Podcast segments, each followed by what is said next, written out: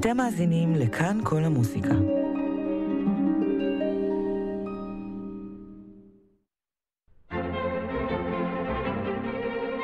מגזין כאן כל המוסיקה.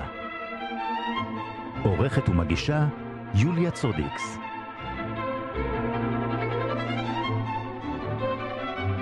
ערב טוב לכם, מאזיני כאן כל המוזיקה, את התוכנית מגזין עורכת ומגישה יוליה צודקס בהפקה אמיר ארניה. ב-16 ביולי, במסגרת הסדרה קאמרי בצהרי שישי של התזמורת הסימפונית הישראלית ראשון לציון, מתקיים קונצרט חגיגי לחנוכת הפסנתר החדש. ואיתנו רז כהן, עורך הסדרה קאמרי בצהרי שישי. שלום רז. שלום יוליה. אז קונגרטוליישנס, פסנתר חדש. כן, אנחנו באיחור של שנה בעצם בעיצומו של משבר הקורונה. הגיע פסנתר חדש אה, שמיועד לשימוש של, הסדר, של הקונצרטים, בקונצרטים של הסדרה הקאמרית, קאמרי בצהרי שישי, הסדרה כבר די ותיקה, שמציעה מגוון של תוכניות קאמריות, בשיתוף של נגני התזמורת ונגנים אורחים, וגם בשיתוף האופרה הישראלית בשנים האחרונות, באודיטוריום שנמצא בהיכל התרבות ראשון לציון. והפעם בתוכנית לרגל גם סיום העונה המוזרה הזאת שהייתה mm-hmm. לנו, החל מחודש, חזרנו לנגן בערך מחודש מרץ, אז הספקנו לעשות כמה קונצרטים קאמרים, וחיכינו עם האירוע הזה, ואנחנו עושים אותו, איך אומרים, ב, בשמחה רבה, וגם שמחה מוזיקלית. כן. כי במקום פסנתרן אחד, כמו שהיה מצופה, רסיטל פסנתר, יש לנו שני פסנתרנים. כן. והתוכנית כולה עומדת בסימן של ריקודים. Mm-hmm. תכף אני אגע ב... ברפרטואר. מתחילים עם הוואלסים המפורסמים של ברמס, לפסנתר בארבע ידיים, ברמס חיבר אותם קודם כל לפסנתר סולו, ואחרי זה ערך ושינה, ויש 16 וואלסים. ממשיכים עם אה, סונטה של מוצרט, מיצירות המופת המאוחרות של מוצרט, ובהמשך אה, בעיבוד רחמנינוב, ומושקובסקי וריקודים נורבגיים של גריג. בקיצור, מכל טוב, והייתי רוצה להתעכב קצת על הז'אנר של מגינה, מגינת פסנתר בארבע ידיים. Mm-hmm. כי זה לא עניין של מה בכך שאנחנו מזמינים שני פסנתרנים לאירוע המיוחד הזה. הנגינה בפסנתר בארבע ידיים היא איזושהי תוצאה של גם מצד אחד מוז... אה, תוצאה מוזיקלית, או הגורמים להופעה של הז'אנר הזה הם גורמים מוזיקליים, אבל הם לא פחות מזה גורמים חברתיים. כן. ו... ותרבותיים, הייתי אומר. שייכים לתקופה, אנחנו מדברים על תחילת המאה ה-19, בורגנות שצומחת, מכניסה לבתים של הפסנתרים. אנשים לא יכולים ל- אה, לשמוע קונצ... אה, מוזיקה מוקלטת כמובן ברור. בתקופה הזאת, אז הם הולכים לקונצרטים. מי שלא יכול ללכת לקונצרטים, מביא את הקונצרטים אליו הביתה, לפעמים באופן חובבני. המלחינים, מצד, מצד אחר, נדרשים לספק עיבודים או איזשהן ורסיות שלהם ליצירות מפורסמות, אם זה סימפוניות של בטהובן של התקופה, אם זה אופרות של רוסיני, אם זה לידר של שוברט. והם עושים את זה כי משלמים להם עבור העיבודים האלה. חלקם כתובים בעצם באופן מקורי לנגינה של פסנתרנים לא מקצועיים. בדרך כלל מי זה? אנשים עשירים, או כאילו אנשים אה, מבוססים, כן? שפשוט מזמינים כן. את, העיבודים האלה, כן. מזמינים יצירות. את העיבודים האלה כדי mm-hmm. שיוכלו לפנק את האורחים שלהם, ובמוזיקה אה, הפופולרית הזאת של התקופה. שאמרתי, סימפוניות של בטהובן, ואלסים, אה, קטעים מפורסמים מהאופרות. בנוסף לזה, גם יש פה את העניין הזה של הצורה הזאת, של הקרבה הזאת בין שני פסנתרנים. כן. פסנתרניות, פסנתרן, פסנתרנית, מספקים הזדמנות נדירה מאוד בתקופה הזאת לשבור איזה קוד, קוד מוסרי של קרבה פיזית. זה יכול להיות אה, אה, אלמנטים חברתיים, אלמנטים של חיזור. יש פה גם את העניין של מורה, מורה שמנגן עם תלמידיו, mm-hmm. או כותב את המוזיקה הזאת, ל, כמו במקרה של הסונטה של מוצרט, הסונטה בדו מז'ור, שהיא כתובה לשתי, מוצרט כתב אותה במיוחד לשתי, על פי הזמנה של שתי תלמידות שלו, אחיות. כך שיש פה הרבה מאוד, אה, יש פה כמה גורמים שחוברים ליצירה, אה, ליצירת הז'אנר הזה, הכל כך מיוחד. זה ז'אנר של מוזיקה קאמרית לכל דבר. אם, אם אנשים אולי לא, לא, לא מבינים את זה עד הסוף, אז התיאום שצריך להיות בין שני פסנתרנים, מגיעים על כלי אחד, מאפשר להם באמת אה, לנשום ביחד, זה מכריח אותם, לפעמים הידיים הן מסוכלות, mm-hmm. יד עוברת על יד. יש פה הרבה דברים של תיאום, יותר, אולי לא פחות מאשר רביית כלי קשת, שזה ברור לכולנו שנדרשות חזרות ונשימות ביחד, וכל הפיסוק והדברים שנדרשים בשביל ביצוע שהוא אה, הדוק כן. מהבחינה הקאמרית. כך שיש לנו פה באמת אה, קונצרט אה, מיוחד אה, בז'אנר הזה של פסנתר בארבע עיניים, שזה לא דבר נדיר. אני גם מזכיר את ה, כמובן את המוזיקה שנכתבה לשני פסנתרים, mm-hmm. שזה כרגע לא שייך לעניין, הוא כן שייך לעניין, אבל זו צורה, זו צורה אחרת לגמרי. בדיוק. שם כל פסנתרן, יש לו את כל המקלדת, mm-hmm. וכמובן אפשר לעשות את ה... יש יותר חופש. והוא נמצא במגע פיזי עם הפסנתרן השני, ופה זה ממש יושבים אחד ליד השני. זה הכי צפוף שיכול להיות, בעצם, כן. מבחינה פיזית. כן. אני רוצה גם לנצל את ההזדמנות, ובכל זאת, כפי שאמרתי, הקונצרט הזה סוגר את העונה הנוכחית, שהייתה קצת אה, כמובן חלקית ומוזרה, אבל אנחנו כבר עם הפנים קדימה לעונה הבאה של הסדרה הקאמרית. וכמו שהזכרתי, יש לנו מספר תוכניות שהן בשיתוף עם האופרה הישראלית, כך שמטבע הדברים אה, יש בהן פן ווקאלי שהוא אה, די נדיר, הייתי אומר, בהקשר של מוזיקה קאמרית. כלומר, אנחנו באמת הצלחנו ליצור כמה תוכניות שיש בהן דגש על... אה, של, של זמרה, mm-hmm. כן, יצירות, אם אני אזכיר למשל, תוכנית מאוד יפה שהכותרת שלה היא לילה. ושם מלבד המוזיק, אה, המוזיקה שכתב שנברג, השישייה המפורסמת ליל הוד, כן. תהיה גם הקנטטה הקצרה שכתב אוטורינו רספיגי, שנקראת השקיעה, אילטרמונטו. יהיו שם גם נוקטורנים של שופן, ו- ושירים, שירי לילה, שרגוב וכן הלאה.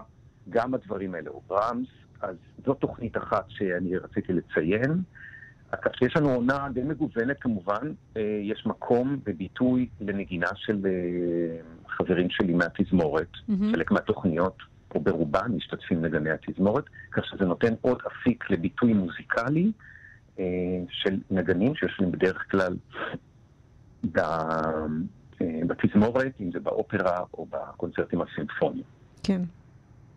ופה יש אה, הזדמנות אה, לשמוע את, את הפסנתר החדש, ושני הפסנתרנים זה ויקטור סטניסלבסקי, ומה השם של הפסנתרן השני? מיכאל, מיכאל זארצקל. אהה, פסנתרנים מעולים, כן. באמת אה, בחרתי בהם, כי הם גם מצד אחד, כל אחד מהם יש לו קריירה משל עצמו, ומנגנים בכל מיני הזדמנויות גם הרבה מאוד מוזיקה קאמרית, אבל גם יש להם לא מעט ניסיון בנגינה משותפת. בהזדמנויות שונות, הם הכינו כמה תוכניות של, של המוזיקה לפסנתר בידיים, שהיא באמת עשירה, עשירה ביותר. היא, היא מעניקה אה, אפשרות לפסנתר לזהור בכל האוקטבות שלו. כן. יותר מאשר רק פסנתרן אחד מנגן, וגם טבע הדברים, שני פסנתרנים, ארבע ידיים, הרבה יותר צלילים. כן. והפסנתר הוא פשוט, ואז נוכל לשמוע פסנתר חדש, על כל הגווני הצליל שלו, שאני מקווה שיספקו חוויה מוזיקלית עשירה, אה, הרפרטואר נבחר בהתאם. כן. וזאת תהיה באמת חגיגה, ואני מקווה בכלל, גם בתוקף אה, כובעי כמנהל השוברטיאדה הישראלית, אז צריך להזכיר בהקשר הזה את שוברט, כמובן, שהוא אחד ה... אלופים, הייתי אומר, כן. אה, בכתיבה לפסנתר בארבע ידיים. הוא כתוב, השאיר אחריו מספר עצום של יצירות בז'אנר הזה. אה, בתוכנית הזאת במקרה אין שוברט, אבל אנחנו בשוברטיאדה מדי פעם כן. אה, מזמינים דואו, דואו של פסנתרנים. הרבה פעמים, אגב, בהקשר הזה אני רוצה להזכיר פה עוד איזו עובדה מעניינת. כשבודקים את ההיסטוריה של, של זוגות פסנתרנים, מוצאים לא מעט זוגות נשואים. אה, אני אזכיר את אה, יערה טל ואנדריאס גרוטהויזן שכבר השתתפו בשוברטיאדה. אני כן. מזכיר פה את, אה, את יובל אדמוני כן. ותמי קנזאווה. אני מזכיר את ולטר קלין ואשתו. מהמם. ויש, לא חסרות דוגמאות, אולי חלק גדול, הייתי אומר יותר מחצי מההרכבים היו אה, בהקשר הזה, טוב, זה גם מחזק אה, זוגיות. ובהקשר החד אם מיני, ככה, כן. ניר שלי, יוסוס פרנץ וכריסטוף אשנבך. בקיצור, שני אחים, שתי אחיות, מהמם. לבק וכן הלאה. זאת אומרת, הקשר המשפחתי פה, כמו שאת הזכרת, הקרבה הפיזית, אה, יוצרת איזו נוחות מהמם. בדבר הזה, ואולי גם מעשירה את החוויה הזוגית. כן. כך יופי. שיש לא מעט פנים ל... בהקשר הזה של נגינה בארבע ידיים. וכאן כאן כמובן אין לנו זמן לנגוע בכל הדברים, אבל אני חושב שפחות או יותר ברמז נתתי פה כמה אה, אינפוטס על העניין הזה. כן, ב-16 ביולי, היכל התרבות ראשון לציון בעולם הקאמרי. בשעה 12 וחצי, כן. ואני מזכיר שוב את העונה הבאה, שגם היא כבר אה, זכתה לפרסום, ואפשר אה, לבחור מהתוכניות האלה, או לעשות מנוי וכן הלאה. יופי. רז כהן, תתק- תתחדשו, ושיהיה בהצלחה. תודה רבה. תודה רבה. יוליה. להתראות. ביי ביי.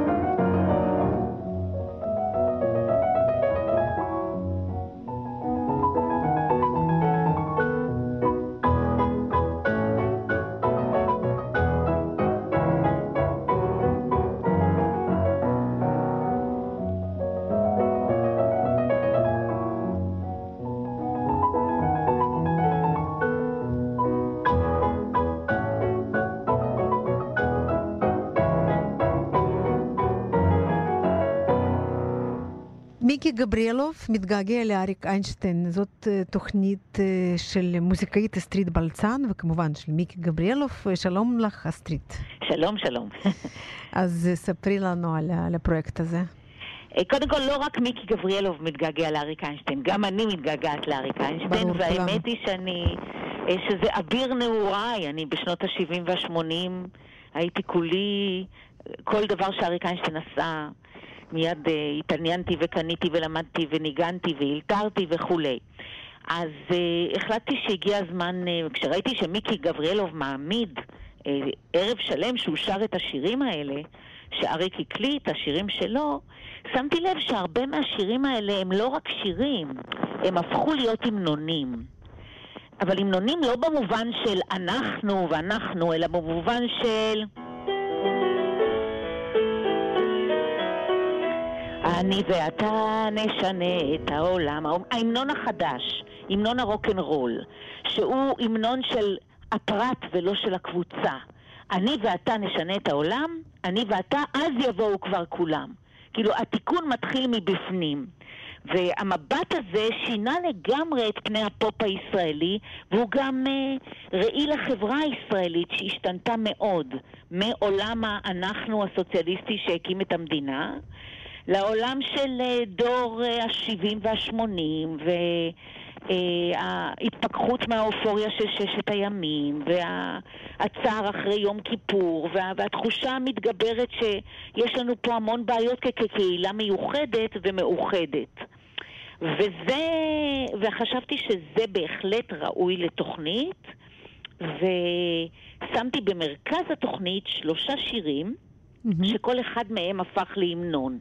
אחד מהם זה אימא האדמה, שני זה סע לאט, ושלישי זה עוף עוף גוזל. וכל אחד מהם הוא המנון בצורה אחרת. והגשמתי חלום ישן, ובחוצפתי גם כתבתי פנטזיה לפסנתר על כל אחד מהשירים האלה. מהמם. זאת אומרת שאימא האדמה...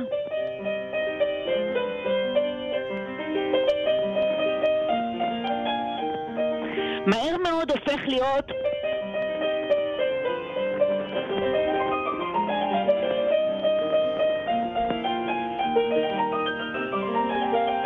הופך להיות איזה מין פנטזיה אה, שיש בה אפילו איזה מוטיב של אה, דיאס אירה, לא רק... אלא עם...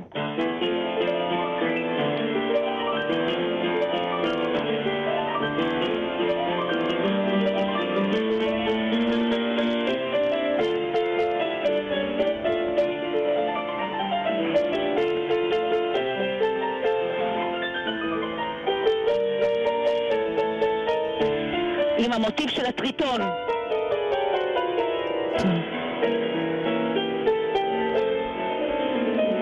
קצת נשמע כמו ליסט.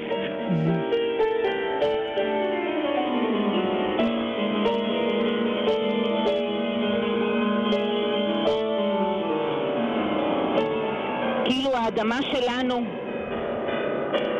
היא גם חכמה וגם חמה, אבל היא גם משקיעה ולוקחת אותנו אליה. עמוק אל האפר. זה כמובן בהשראת מלחמת יום כיפור וכל מיני כאלה דברים. אז אלה המנונים יותר לאומיים, שתמיד נאמרים בשפה פרטי, היא תביט אליי טובה וחכמה ולא אלינו. כמו בבן השב הביתה מן המסע. אני הבן שלה ואימא, היא תיקח אותי אליה. אני והיא. אני והארץ הזאת. אני והארץ המדממת הזאת. זה סוג אחד של המנון, והמנון אחר, שהוא לגמרי לגמרי שונה, מתייחס לבעיה של אה, זקנה. זה מאוד מפתיע, יוליה, כי תמיד פופ מתייחס לנעורים. בדיוק. בטח אריק איינשטיין עם חבורת לול שהיו שנים הסמן הימני של הבוהמה בארץ הזאת ותמיד היו מן ה...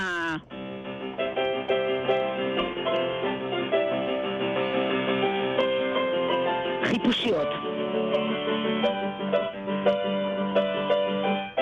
אבל הגאוני זה שבתקליט האחרון שהם עשו ביחד ב-1987 אה, נמצא שיר שהפך להיות המנון של כל ההורים כשהילד משחק, מ- מסיים תיכון וזה עוף גוזל.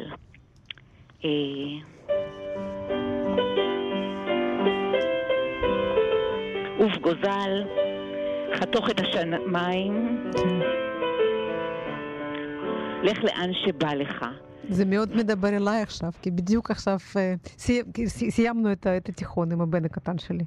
זה למזלך, ואני נתקעתי בקורונה הזאת עם שני ילדים בכלל בחוץ, עם בת שלא ראיתי אותה שנתיים, עם נכדה שלא ראיתי שנתיים, עם בן שלא ראיתי שנה וחצי, והכל פתאום נהפך לאוש, הגוזל עף, אבל איפה אני? אה, והמילים... אה, הגוזלים שלי עזבו את הקן.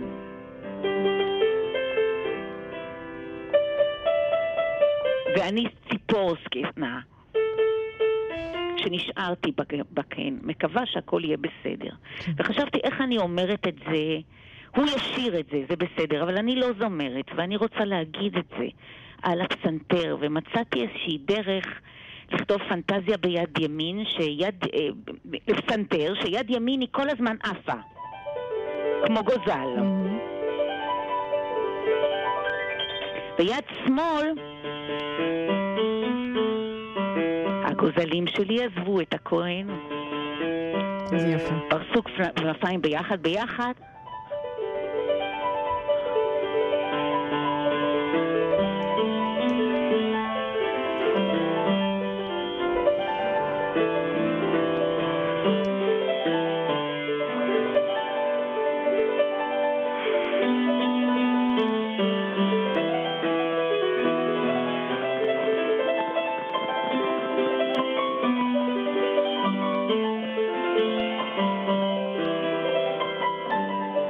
ככה לסדר את זה, ואז לעשות עוף גוזל שנשמע קצת כמו מוסורסקי, הגוזלים, האפרוחים מתמונות בתערוכה.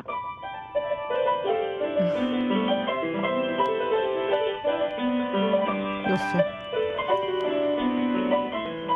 אבל כל כך נכנסתי לזה רגשית, שהנה אני יושבת פה ליד הפסנתר ואומרת שאני ציפור זקנה והגוזלים הפוך. עזבו את הקן, ואיך אני את כל הקונפליקט הזה שמצד אחד כל הורה כל כך שמח שהילד שלו הוא גוזל שאף, כי אנחנו מחנכים אותם להיות עצמאים, ומצד שני זה כל כך עצוב פתאום לנתק את הקשר, ובטח לתקופה ארוכה.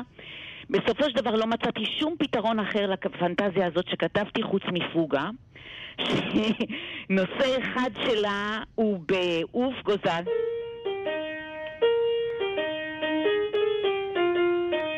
בנושא ראשון, ונושא שני, ואני ציפור זקנה ביד שמאל. אז ישבתי ונזכרתי בקורס של אה, קונטרפונקט שלמדתי לפני, לא נעים להגיד, 40 שנה, וכתבתי משהו, אינבנציה כזאת.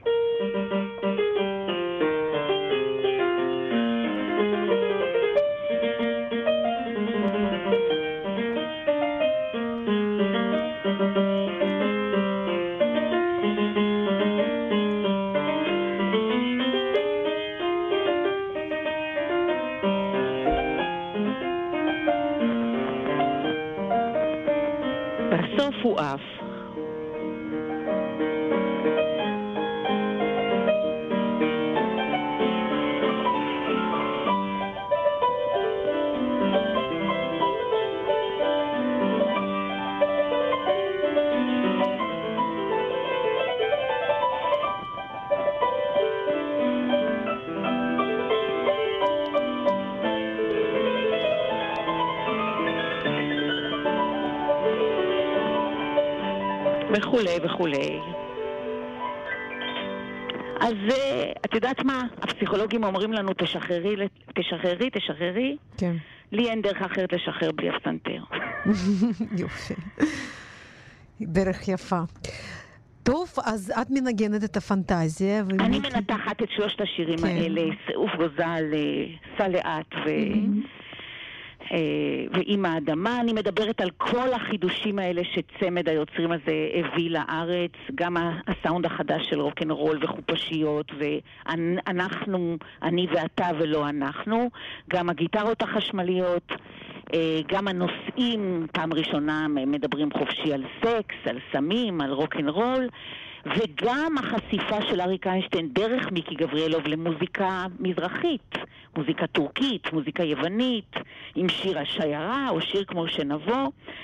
ואחרי שאני מנגנת את שלושת הפנטזיות שלי, אז שזה בערך 40 דקות של הרצאה עם נגינה, עולה מיקי גבריאלו ונותן 20 שירים.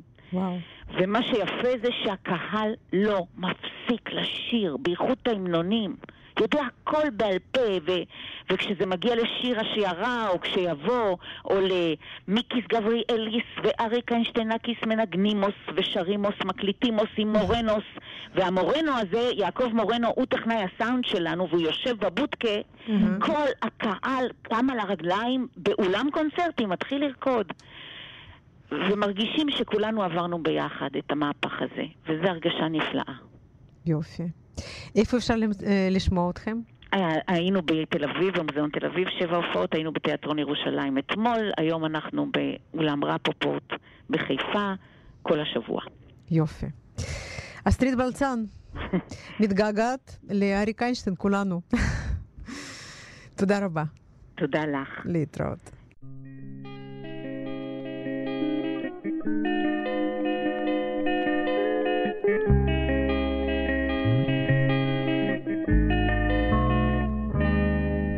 היא תביט אליי טובה וחכמה. כמו בבן השאר הביתה מן הדרך. תחבק אותי אליה בנשימה חמה. עם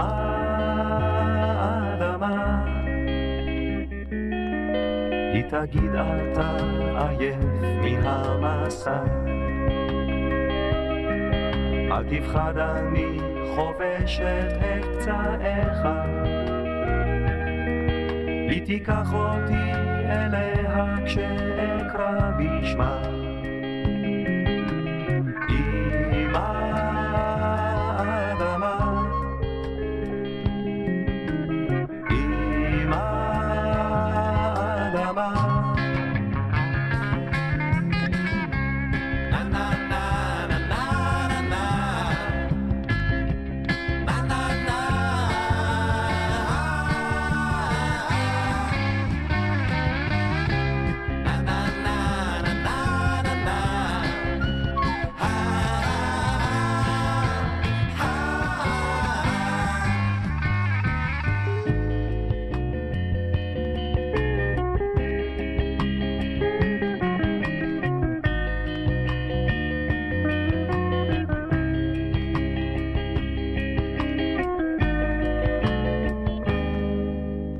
תביט אליי טובה וחכמה. היא שקטה כל כך וכמו תמיד צולחת. תחבק אותי אליה בנשימה חמה.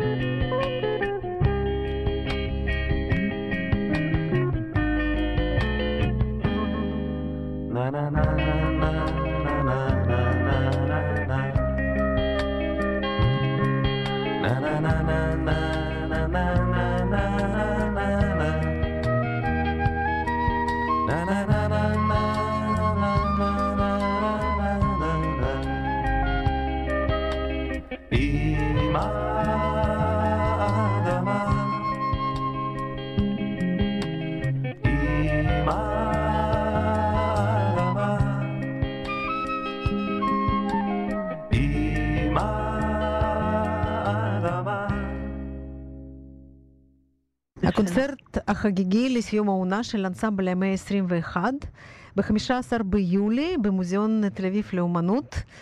ז'ול, ז'ולט נאג' מנצח, ואחד מהסולנים בקונצרט הזה, יעל ברולסקי, הכנרת שמנגנת את הקונצ'רטו לכינור של ליגיטי, הבכורה הישראלית. יעל, שלום לך. שלום, שלום, שלום. אז תשתפי אותנו בחוויה הזאת.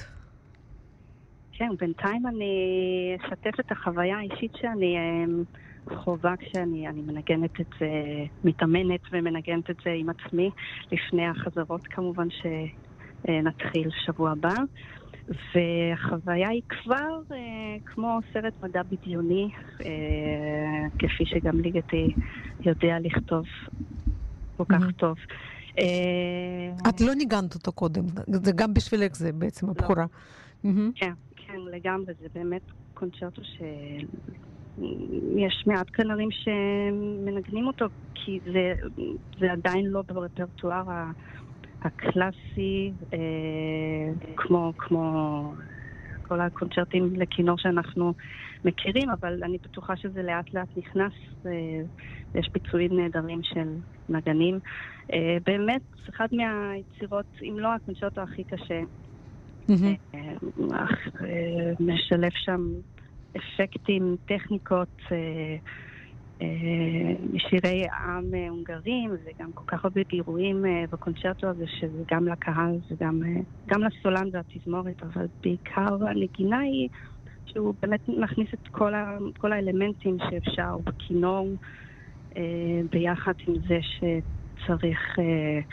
אה, להיות בשליטה ריתמית אה, כאשר אני מנגנת שלושה רבעים והתזמורת והמנצח על ארבע, אז הראש מתחלק לכמה חלקים. כן. אה, הקונצ'רטו נכתב בתחילת השנות ה-90, איזה, איזה גורל היה לו עד כה? זאת אומרת, איך, איך הוא התקבל בכלל בעולם המוזיקה? את אומרת שלא ניגנו אותו הרבה, זה לא ברפרטואר אצל הרבה מאוד נגנים. אני חושבת שאני אני יודעת ש... כלומר, כמובן ב-90-92 הוא בוצע אה, ביצוע בכורה. לא ידוע לי כמה, כמה מיד ככה התחילו להופיע איתו, אה, אבל בהחלט אה, מ-2000 אני חושבת שזה בהחלט הנגנים אה, ש... כלומר, אה, שוב, זה, זה לא, כן. לא ברפרטואר של רוב הכנרים, אבל זה, זה אלה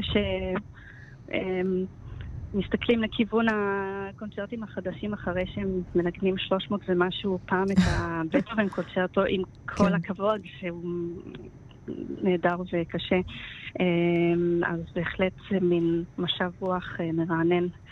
אה, נראה לי יותר ויותר לנגנו אותו. כן. אני קראתי שהוא בהתחלה, הוא חיבר שמונה פרקים לקונצ'רטו הזה, אחר כך צמצם לחמישה, שזה גם כן נשמע לי הרבה מאוד. בדרך כלל אה, יש רק שלושה, שלושה חלקים בקונצ'רטו, אז זה, זה, זה בעצם יצירה עצומה, אם כך, כן? בממדים. כן, כן. אה, אבל היא באמת גם עצומה בגלל ש... אה, התזמורת, שבעצם זה, אנחנו 24 נגנים, אה, אה, כל אחד יש לו תפקיד שם בתזמורת, לא כמו בקונצ'רטו שבדרך כלל התזמורת מלווה, אבל פה באמת הכל, הכל מחובר, כל נגן יש לו תפקיד, הכינורות, יש 11 נגני כלי קשת, כל אחד יש לו תפקיד, עשרה כלי נשיפה. שלושה כלי הקשה, אה, וכמובן בלי המנצח זה לא עובד כי יש קבוצות מחולקים, ו... אה, אבל זה בהחלט הכל, אה, הכל קשור אחד בשני. אני לא יכולה בלעדיהם, גם היצירה עכשיו מבחינתי בכלל עוד... אני, שומעת, כלומר, התפקיד שלי, אבל זה יהיה משהו אחר לגמרי כשאני אשמע את ה... את מה שקורה מסביבי עם כל הנגנים. כן. ספרי לנו מה בכלל, מה מצב הרוח באנסמבל. אתם בטח, כמו כל המוזיקאים, עברתם תקופה לא, לא, לא קלה בשנה וחצי האחרונה. כן, אנחנו בהחלט אה, כמו, אני חושבת, רוב הרכבים, תזמורות שניסינו כדי לשמר את הקהל המנויים שלנו, אז אנחנו עשינו בעצם הקלטות, צילומים ושידרנו אותם. כלומר, זה היה הקלטות ללא קהל כמובן, ומשם, כן. כדי שיהיה אה, קשר, להמשיך להיות קשר עם הקהל שלנו, אבל כמובן שזה זה חוויה אה, לא פשוטה בכלל. וב... כן, במרץ וביוני עכשיו היו שני קונצרטים עם קהל. Uh-huh. אה, כן, נקווה שלא יהיו איזה הפתעות שבוע הבא. כן, בדיוק, אנחנו צריכים להיות זהירים, כן. אבל התקווה שלנו שב-15 ביולי, כן. קונצרט חגיגי לסיום העונה של האנסמבל, ואת כאמור סולנית עם, עם הקונצ'רטו של ליגיטי, ויש עוד שתי יצירות בקונצרט כן. הזה, כן. אני יכולה, כלומר, אני יכולה לומר איזה עוד יצירות. כן, כן, בטח.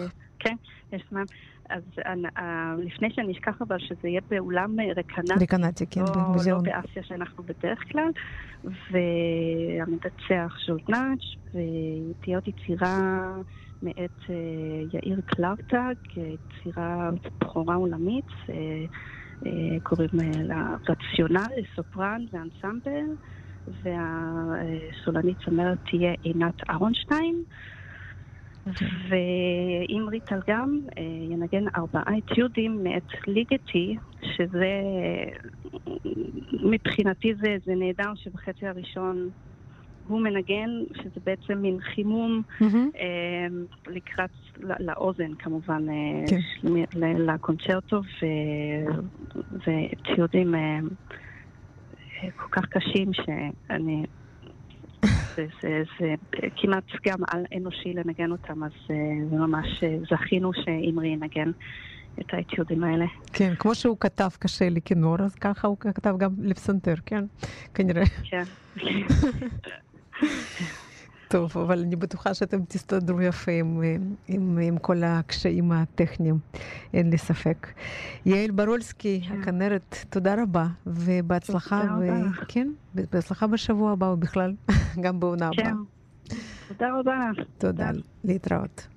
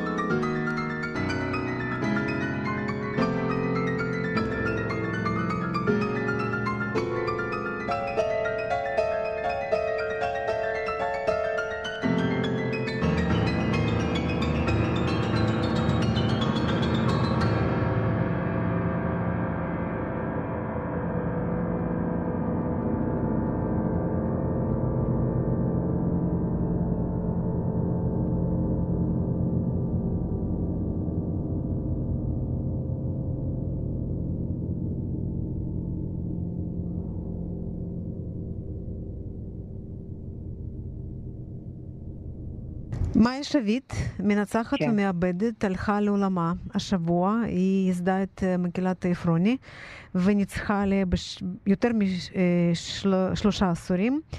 ואני אומרת שלום לשלי ברלינסקי, מנצחת מקהלת עפרוני היום. שלום שלי. שלום, שלום יהודה. אז אה, ספרי לנו על, על מאיה.